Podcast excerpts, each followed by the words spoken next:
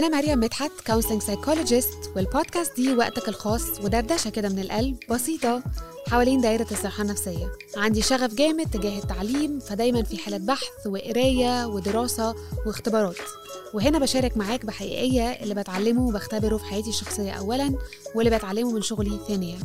برحب بيكم في دايرة دافية من الوعي الحقيقي والشفاف اللي بخطوات صغيرة وبسيطة بيحدث تغيير. أنتوا بتسمعوا كلمة مع مريم مدحت. أهلا بيكم زي ما إحنا متعودين في بداية كل حلقة بنبدأ بتشيك إن فكر في شعور أو اتنين أنت حاسس أو أنت حاسة بيهم دلوقتي. تاني حاجة نحس بجسمنا مكان ما إحنا موجودين برجلنا وهي ماشية على الأرض بإيدينا وهي لامسة أي حاجة فتواصل كده مع جسمك ومع جسدك. وتالت حاجة إن إحنا نتنفس بوعي. خد نفس عميق وافتكر دايما وأنت بتدخله وبتخرجه إنه بيدخل ويخرج بسهولة فإن إحنا نكون شاكرين وحامدين على ده. هتكلم في حلقة النهاردة عن اختبار الطلاق في مجتمع شرقي. حاولت أبلبع النهاردة حبوب شجاعة كتير علشان أعرف أ put myself out there وأكون عارفة أتكلم بشفافية وب vulnerability على موضوع حساس ومؤلم بالنسبة لي بشكل شخصي وبالنسبة لناس كتيرة في المجتمع. عارفة إني هخبط في حلل كتيرة. وقلقانة على وقع ده الحقيقة قلقانة على نفسي لأن اتعودت take care of myself فعارفة إنه تقيل وإني كل ما برجع للحتة دي بتوجع. ولكن عارفة كمان في نفس الوقت إنه مهم وإنه في ناس كتيرة محتاجة تسمع عنه. وإنه في ستات ورجالة كثيرة بتعدي بده في الوقت الحالي. وإني لما بدأت سيريا الصغيرة على انستجرام وابتديت أتكلم عليها حسيت إنه صوتي عمل سيكة فرق. فآملة إنه صوتي يعمل شوية فرق. إن أنت لو بتعدي أو بتعدي بالاختبار ده إن أنت ما تحسش لوحدك. وإنه المجتمع يبتدي يسمع من حد عدى بده قبل كده. فاحتمال المجتمع يبقى حنين أكتر compassionate أكتر متفهم مستوعب اللي الشخص ده بيعدي بيه. فهتكلم النهارده عن تجربة الطلاق. وأنا كلي تمني ودعوات وإنتنشن ونية. ودي نية مهمة بالنسبة لي قوي في الوقت الأخير إني أعقد النية قبل ما أعمل كل حاجة. ففي عقد نية الحلقة دي واحتمال الحلقة تطول لحلقتين إن هي رايحة towards إنك تحس إنك مش في الطريق ده لوحدك واننا نعرف نمكن شوية نوعي شوية المجتمع اللي حوالينا إنه يكون فهمنا حاسس باللي إحنا بنمر بيه في اختبار الطلاق واللي هو أصلا بقى كتير حاصل حوالي حوالينا ولكن حاصل بدون وعي. وما بنتكلمش عليه. أو حتى لما بنتكلم بنتكلم على قشور خارجية من بره قليل قوي لما بندخل فيها لعمق والتفاصيل موجودة جواه. قبل ما أدخل في عمق الحلقة دي عايزة أعمل disclaimers مش عارفة أترجمها بالعربي ولكن محتاجة أعمل ثلاثة disclaimers أولهم إنه الهدف من الحلقة دي مش تشجيع الناس إنها تاخد خطوة زي كده. بالعكس هو أنتوا بعد ما تتفرجوا على الحلقة آه واحتمال يطولوا بحلقتين. هتبقوا عارفين كويس قوي صعوبة الموضوع.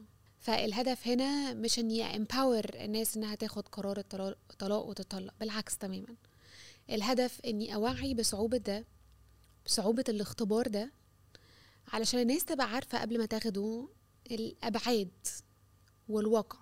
وعلشان لو ناس ماشية فيه تبقى عارفة إزاي يبقى عندها وعي إنها تحس بمشاعرها وتعرف تترجمها لحاجات مختلفة وتفهم نفسها في وسط الاختبار. وعلشان زي ما كنت بقول من شوية الناس اللي حوالينا المجتمع يبقوا حاسين بينا. ف disclaimer رقم ال disclaimer الأولاني هو الهدف من الحلقة دي هو نقل للواقع وليس تشجيع عليه اطلاقا. رقم اتنين disclaimer رقم اتنين ليس لدي أي حاجة against ولا من ولا مؤسسة الزواج. إني أؤمن بشدة بمنظومة الزواج والناس اللي قدامي بتقول دي منظومة فاشلة. أنا مصدقة قوي إن إحنا اللي مش عارفين ننجحها بكوننا نكون أشخاص ناضجة إحنا الاتنين وعارفين واقع وال impact بتاع آه، إن إحنا نكون في علاقة من هذا النوع. ولكن أنا مؤمنة جدا بأنها منظومة جميلة قابلة للنجاح وإنها السيناريو الأساسي اللي ربنا خلقنا إن إحنا نعيش ونكون فيه. ربنا خلقنا شخصيات اجتماعية محتاجة لتواجد اجتماعي محتاجة ال partner نشارك الحياة آه، معاه. الأطفال محتاجة منظومة زواج ناجح علشان تكون طالعة بأحسن صور ليها. ف disclaimer رقم اتنين بالنسبة لي إني I have nothing against ولا من ولا مؤسسة الزواج وإني بالعكس داعمة لده جدا وأعتقد إنه ده الشكل الطبيعي للحياة اللي ربنا خلقنا عليها. disclaimer رقم ثلاثة كل زواج وكل جوازة يستحق الدفاع عنه والشغل عليه ستين مليون مرة ويستحق إنه يتعاطى ستين مليون تشانس إنه ينجح قبل ما نكون بنفكر في الفكرة بتاعة الانفصال. فأنا شايفة إنه أوقات كتيرة جدا بشوف حواليا إنه زواجات مش بنحط فيها أي أفرت وإحنا محتاجين نكون متأكدين إنه حطينا أفرت جامد في إنجاح هذه المنظومة وإنه ده يكون الطريق الأخير خالص لو إحنا فكرنا إن إحنا ننهيها لأنه هذا الانتهاء صعب جدا ولأنه هذه المنظومة لما تنجح بتبقى very fulfilling و very satisfying ومهمة جدا لنفسياتنا ولنفسيات أولادنا ولأنه ده زي ما كنت بقول أعتقد إنه السيناريو الأساسي اللي ربنا خالق عليه البشر وإن إحنا ممنهجين إن إحنا نعيش علاقات مشبعة وغالية صعبة و challenging آه ولكنها في الآخر ال setup الطبيعي اللي أنا مؤمنة إنه ال setup الطبيعي والصحي اللي إحنا ينفع نكون عايشين فيه كمجتمع. فهذه هي my disclaimers. ينفع ندخل آه، في عمق الموضوع. وفي الحلقة دي آه، حابة أتكلم كنت من فترة ابتديت سلسلة على إنستغرام اسمها Divorce Demons and Diamonds ودي معناها التحديات والتحديات الحلوة اللي خرجت من الطلاق ومن فكرة ال divorce. وفي الحلقة دي واللي جاية غالبا هتكلم على الحتة بتاعة التحديات ال demons اللي بتواجه people going through divorce واللي بتعدي بالاختبار ده. فإيه divorce demons دي من رقم واحد والتحدي رقم واحد اتخاذ القرار. المجتمع دايما بيأكد بالذات المجتمع الشرقي اللي إحنا عايشين فيه إنه الجواز آخر المطاف. هو ده ال happily ever after اللي بيحصل. يعني آه، بنكبر عشان ندخل مدرسة نخلص مدرسة عشان ندخل جامعة نخلص جامعة عشان نشتغل نشتغل عشان نتجوز نجيب عيال وتنتهي هنا القصة. وهو الموضوع المفروض يخلص هنا. ما بنتكلمش على مراحل تانية كتيرة.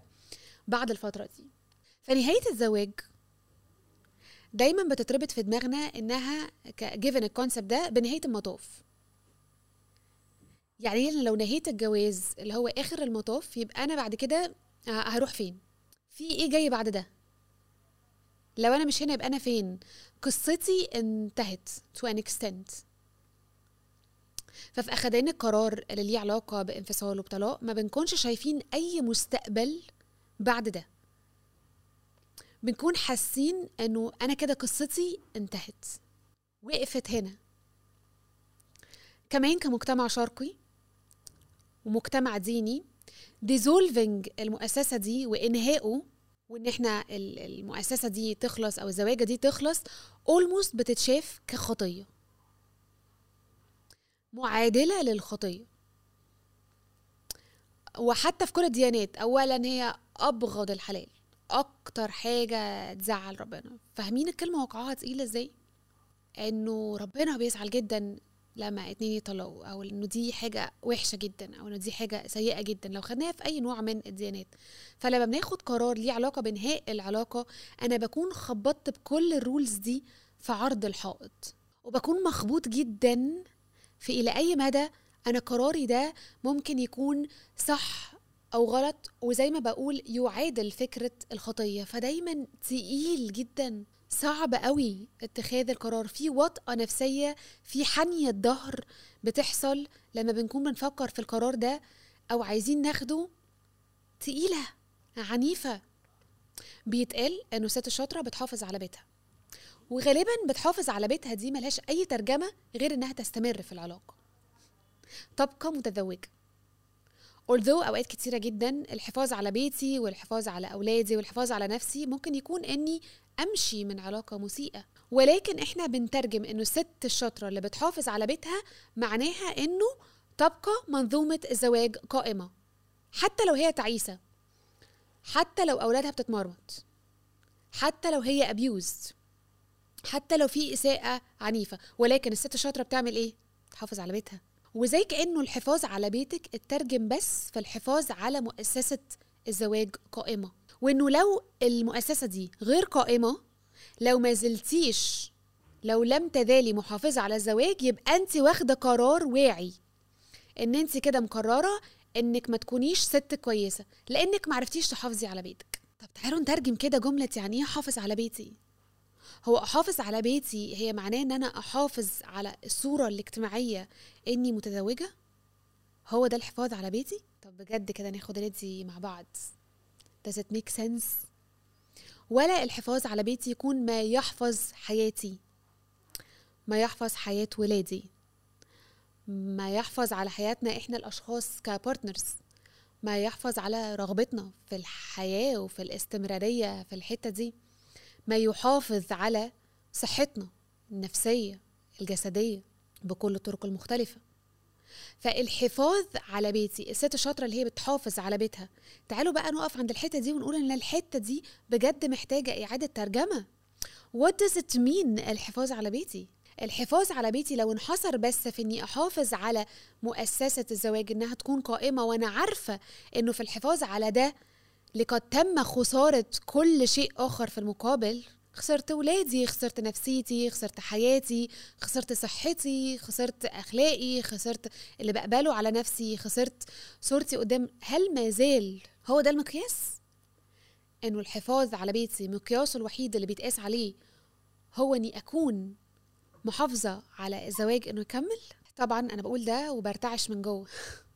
إنه الناس تكون فاهمة إن أنا بحاول أو إنه يوصل كلامي إنه بحاول أزق ناس تجاه خطوة عنيفة ولكني أرجع اكد إن إحنا محتاجين إعادة تصليح مفاهيم كثير منها خاطئ وبعد المفاهيم دي وبعد تصليحها كل حد فينا مسؤول عن قرار وعن موازنته لأمور حياته علشان يعرف هو فعلا ده صح ولا غلط بالنسبة لحياته وياخد قراراته on his own. ولكن على قلبي جدا إني أهد مفاهيم أو إني أزعزع مفاهيم أنا شايفة إن هي مغلوطة. تعالوا ندخل بس بعض المنطق يا جماعة في الأفكار السائدة مجتمعيا. اللي إحنا بناخدها كمسلمات اللي ما بنعملش فيها أي ريفيجن أو أي تفكير. فجيفن المقياس ده اللي كان بيقول انه الست الشاطرة بتحافظ على بيتها أنا أول ما فكرت إني آخد القرار ده على طول راحت نقله معايا فين؟ ف I'm not good. إني لست جيدة.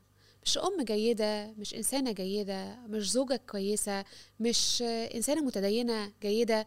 no no matter بقى العلاقة دي مؤذية بشكل عامل إزاي العلاقة دي بتعلم حاجات غلط للولاد العلاقة دي بتأذي الولاد. no matter what بنفضل مترددين شهور وسنين a huge challenge لأنها خبطة في حتة عنيفة جدا. البودكاست دي برعاية Parenting Formula منصتك لتعلم كل حاجة عن تربية الأطفال والتهذيب الإيجابي. Parenting Formula بتقدم ورش عمل وكورسات لتدريبك على خطوات عملية وبسيطة في التربية تضمن لك الوصول للنتيجة اللي نفسك تشوفي ولادك عليها. كل مجهود بتعمليه النهارده في التربية بيعمل فرق جامد في الإنسان اللي بيكونوه لما يكبروا. اعرفي تفاصيل أكتر من خلال ال website www.parentingformula.com أو اتصلي على رقم 012 11 77 5 22 0 انت وولادك تستاهلوا الأفضل. ولأن التحدي ده فيه كتير جدا من ال back and forth بتاعت آه هعمل كده مش هعمل كده آه هاخد القرار ده مش هاخد القرار ده. و و لأنه في منظومة كبيرة قوي بتقعد تخبط جوايا تقول لو انت خدتي القرار ده انت مش صح. انت مش ست كويسة. انت مش أم كويسة. انت مش زوجة كويسة. انت مش مسلمة على حق انت مش مسيحية على حق انت في كل الأحوال مخبوطة في حاجات كتيرة جدا بتقولك انت مش كويسة انت not enough انت not good enough لو انت مش مستمرة في علاقة دي. فدي من رقم واحد هو اتخاذ القرار وهو صعوبة ما يمثله المجتمع والجمل والمعتقدات اللي حوالين فكرة إلى أي مدى لو انت خدتي القرار ده معناه إن انت شخص سيء. أو إن انت فشلتي. فإنك تكوني ست شاطرة. فاللي هو أنا محتاجة بجد تفسير لجملة ست شاطرة دي. لو قعدت أطول في كل دي من فيهم في الأغلب هاخد حلقات وحلقات مطولة في الموضوع ده. فخلينا نقط على الفكرة رقم اتنين أو دي من رقم اتنين. دي من رقم اتنين وهو فقدان الهوية ال loss of identity دايما في نهاية كل علاقة أو قرب النهايات من قبل ما تبدأ النهايات. بس once إن إحنا وصلنا لحتة ان العلاقة دي محتاجة تنتهي العلاقات وصلت لحتت أجلي شوية. فالحتة الأجلي دي بيتقال فيها كلام كتير جدا. أوقات كتير قوي وإحنا بنعدي بالتحدي ده وإحنا في وسط المعمعة دي والمرحلة الصعبة دي من حياتنا بنصدق الكلام اللي بيتقال. واللي هو في الأغلب بيكون قبيح. بشوف نفسي وبصدق عن نفسي اللي اتقال لي من الشخص اللي قدامي. فلو اتقال لي إن أنا مش حلوة كفاية مش ست كفاية مش كويسة كفاية مش شاطرة كفاية حطه تحت مش وجملة كفاية كتير قوي بصدق ده. باخد وقت كبير قوي على ما أعرف ألاقي نفسي مرة كمان لأنه في الوقت ده بيحصل لي توهان من نفسي ضياع من نفسي. فبصدق بقى كل الحاجات اللي بتتقال وبيتقال قبلها كلمة not وبيتحط بعدها كلمة enough. مش كفاية. Not good enough not great enough not شاطرة enough مش حكيمة كفاية مش واعية كفاية مش سمارت كفاية. بس بيتقال بقى كميات من النوت انفس رهيبة. مريعة. مش عايزة أفضل أعيد فيهم بس نوت حاجات كتيرة قوي enough. Not so many things enough. بشوف نفسي من خلال العيون دي. فتحدي رقم اتنين بيقول بيتكلم عن فقدان الهوية دي. في المرحلة دي كنت شايفة نفسي بس من خلال ده كنت شايفة نفسي صغيرة قوي وقلة جدا worthless ماليش قيمة. وبعد كده بيجي المجتمع يأكد على ده إنه قيمتك بدون فكرة الجواز تكاد تكون منعدمة إن انت من غير راجل ما تسويش مش قادرة أنسى يوم جه حد من أهلي مش فاكرة بقى مين بنت خالة ابن عم مامتك عايزة تعزمكوا على فرح بنتها. ومش عارفة تكتب إيه على الكارت بتاع دعوة الفرح. علشان مش هتكتب اني مور اسم جوزي أو مش هتكتب حرم الأستاذ. مش عارفة الموضوع ده مأثر فيا أنا بس ولا هو فعلا موضوع كبير. ولكنه بالنسبة لي كان كبير قوي الحقيقة. اتوجعت جدا. عشان دلوقتي وأنا في مكان قوة ممكن أزعق وممكن أقول يعني إيه مش عارفة تكتب إيه. هو ده. شفاف بالنسبة لها تكتب مريم مدحت فخري على ال card لأنه أنا إنسانة والحمد لله عندي اسم و I am a person on my own شخص منفصل بذاتي ولما يكون مفيش معايا partner بيتكتب اسمي أنا على الكروت بتاعة الأفراح. super simple ولكني بقول ده دلوقتي من موقف وقفت فيه أنا على رجلي وعرفت فيه قيمتي واشتغلت فيه على نفسي. حبيتها وعملت معاها حاجات كتيرة قوي فعارفة أقول ده. لكن وقتها انهارت. آه بجد. هي هتكتب إيه؟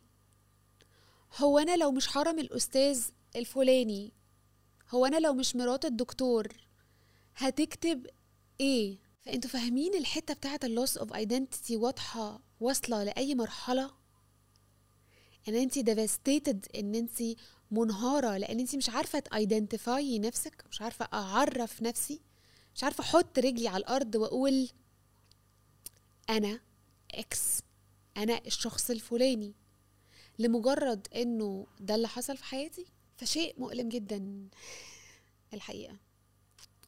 وجابني لورا لوقت طويل قوي. ف loss of identity وفقدان الهوية هي التحدي رقم اتنين ودي من رقم اتنين. دي من تلاتة اسمه الشيم الخزي. خزي إني مش عارفة أشرحها. أتمنى إنه الكلمة تكون واضحة شيم لأن كلمة خزي برضو كلمة تقيلة. الخجل الشديد يعني العنيف الواسع العميق من نفسي. إني معرفتش أقعد في العلاقة دي أكتر. إني معرفتش أستنى عشر سنين كمان. إني معرفتش إني حطيت أهلي في الموقف ده. إني ما صليتش كفاية although إنه ده حصل. إني معرفتش أ fix هم اني حاولت. ولكن shame من أشياء كثيرة كثيرة كثيرة. لدرجة إنه ما بقاش يخص الحاجات اللي حاسة بيها ولكن ال identity بتاعت ال shame دي لزقت فيا في ال genes بتاعتي فما بقتش الحاجات اللي أنا بعملها shameful بقيت حاسة إنه أنا ال shame مش عارفة لو لاقطين الفرق ده ولا لأ. ولكن بتنتقل إن انت لما تكوني حاسة بالعار أو بالخزي أو بالخجل من حاجات كتيرة جدا بتحصل حواليكي تحسي إنه أنا أنا شخصيا أنا العار. ده غير إنه كلمة عار وهتكلم عليها في ال domain اللي جاية أصلا بتتلزق فيكي أول ما تكوني بتنهي علاقة. يعني في عار already ملزوق عليكي وعار على العيلة وعار على المجتمع وعار على الدين وعار على حاجات كتيرة. فانت already ملسوعة في الحتة دي. ف it's no longer about اللي انت عملتيه خجل في خجل أو في كده لا هو it's إن أنت مخزيه إنه الخزي ده هو أنا. والحقيقة ال shame كان درس ابن ستين في سبعين. كان درس ugly وعنيف لما جه. كان ذائر دمه تقيل. المجتمع طبعا بيزود ده بشكل عنيف. إنه بيبص على الضحية وإنه يقول إنها السبب. زي بالظبط بنعمل في حالات التحرش ما هي اللي كانت لابسة مش عارفة إيه.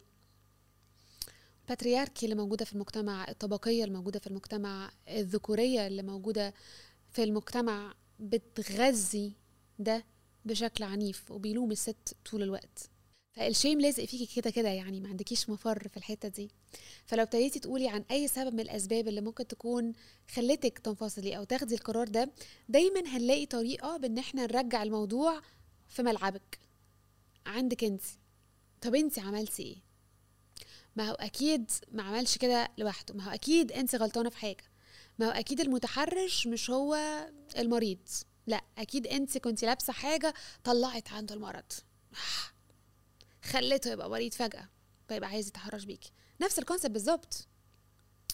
فهنفترض مش في دماغي أمثلة كتير ولكن هنفترض إنه لو هو بخيل أكيد أنت مسرفة جدا وقرفتيه في عيشته وعلشان كده هو اضطر يمسك إيده معاكي. لو لو هو بيبص لستات بره وبيخونك أكيد أنت مش بتلبسي له كفاية ومش بتدلعيه كفاية وتتميسي عليه كفاية فابتدى يطلع يبص بره.